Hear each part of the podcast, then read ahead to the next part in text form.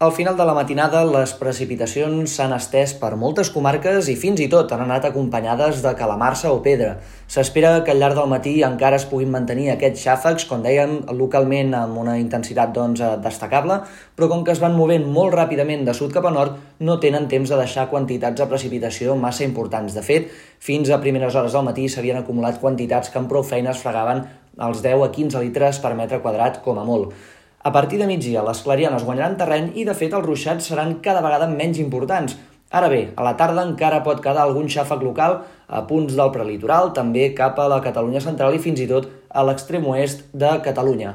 A la resta de territoris s'espera, doncs, que la tarda sigui molt més tranquil·la i amb una temperatura màxima que serà semblant a una mica més baixa que no pas ahir a la majoria de territoris. Ara bé, a la costa del País Valencià, amb aquest vent més aviat aponentat que bufarà, la temperatura tendirà a pujar entre 3 i 5 graus. Per tant, en aquests sectors es podran superar els 30 graus, però a la resta de territoris en conjunt el termòmetre se situarà entre els 25 i els 30 graus de temperatura màxima.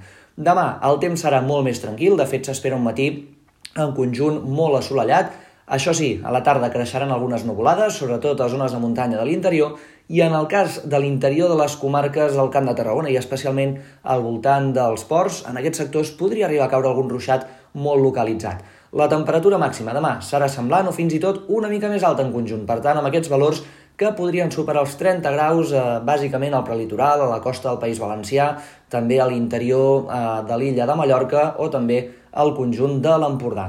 A partir de dimarts tornaran els ruixats, sobretot durant les tardes i molt especialment el dia 23. Per tant, durant la rebella de Sant Joan caldrà estar pendents d'aquests xàfecs que es podrien estendre a força comarques, sobretot de la meitat nord del territori, especialment a l'interior, i també al voltant del massís dels ports, amb una temperatura que fins dimecres o dijous es mantindrà força a ratlla, per tant amb una calor molt suportable i en tot cas serà a partir de dijous o divendres quan la temperatura es podria tornar a enfilar i de valent.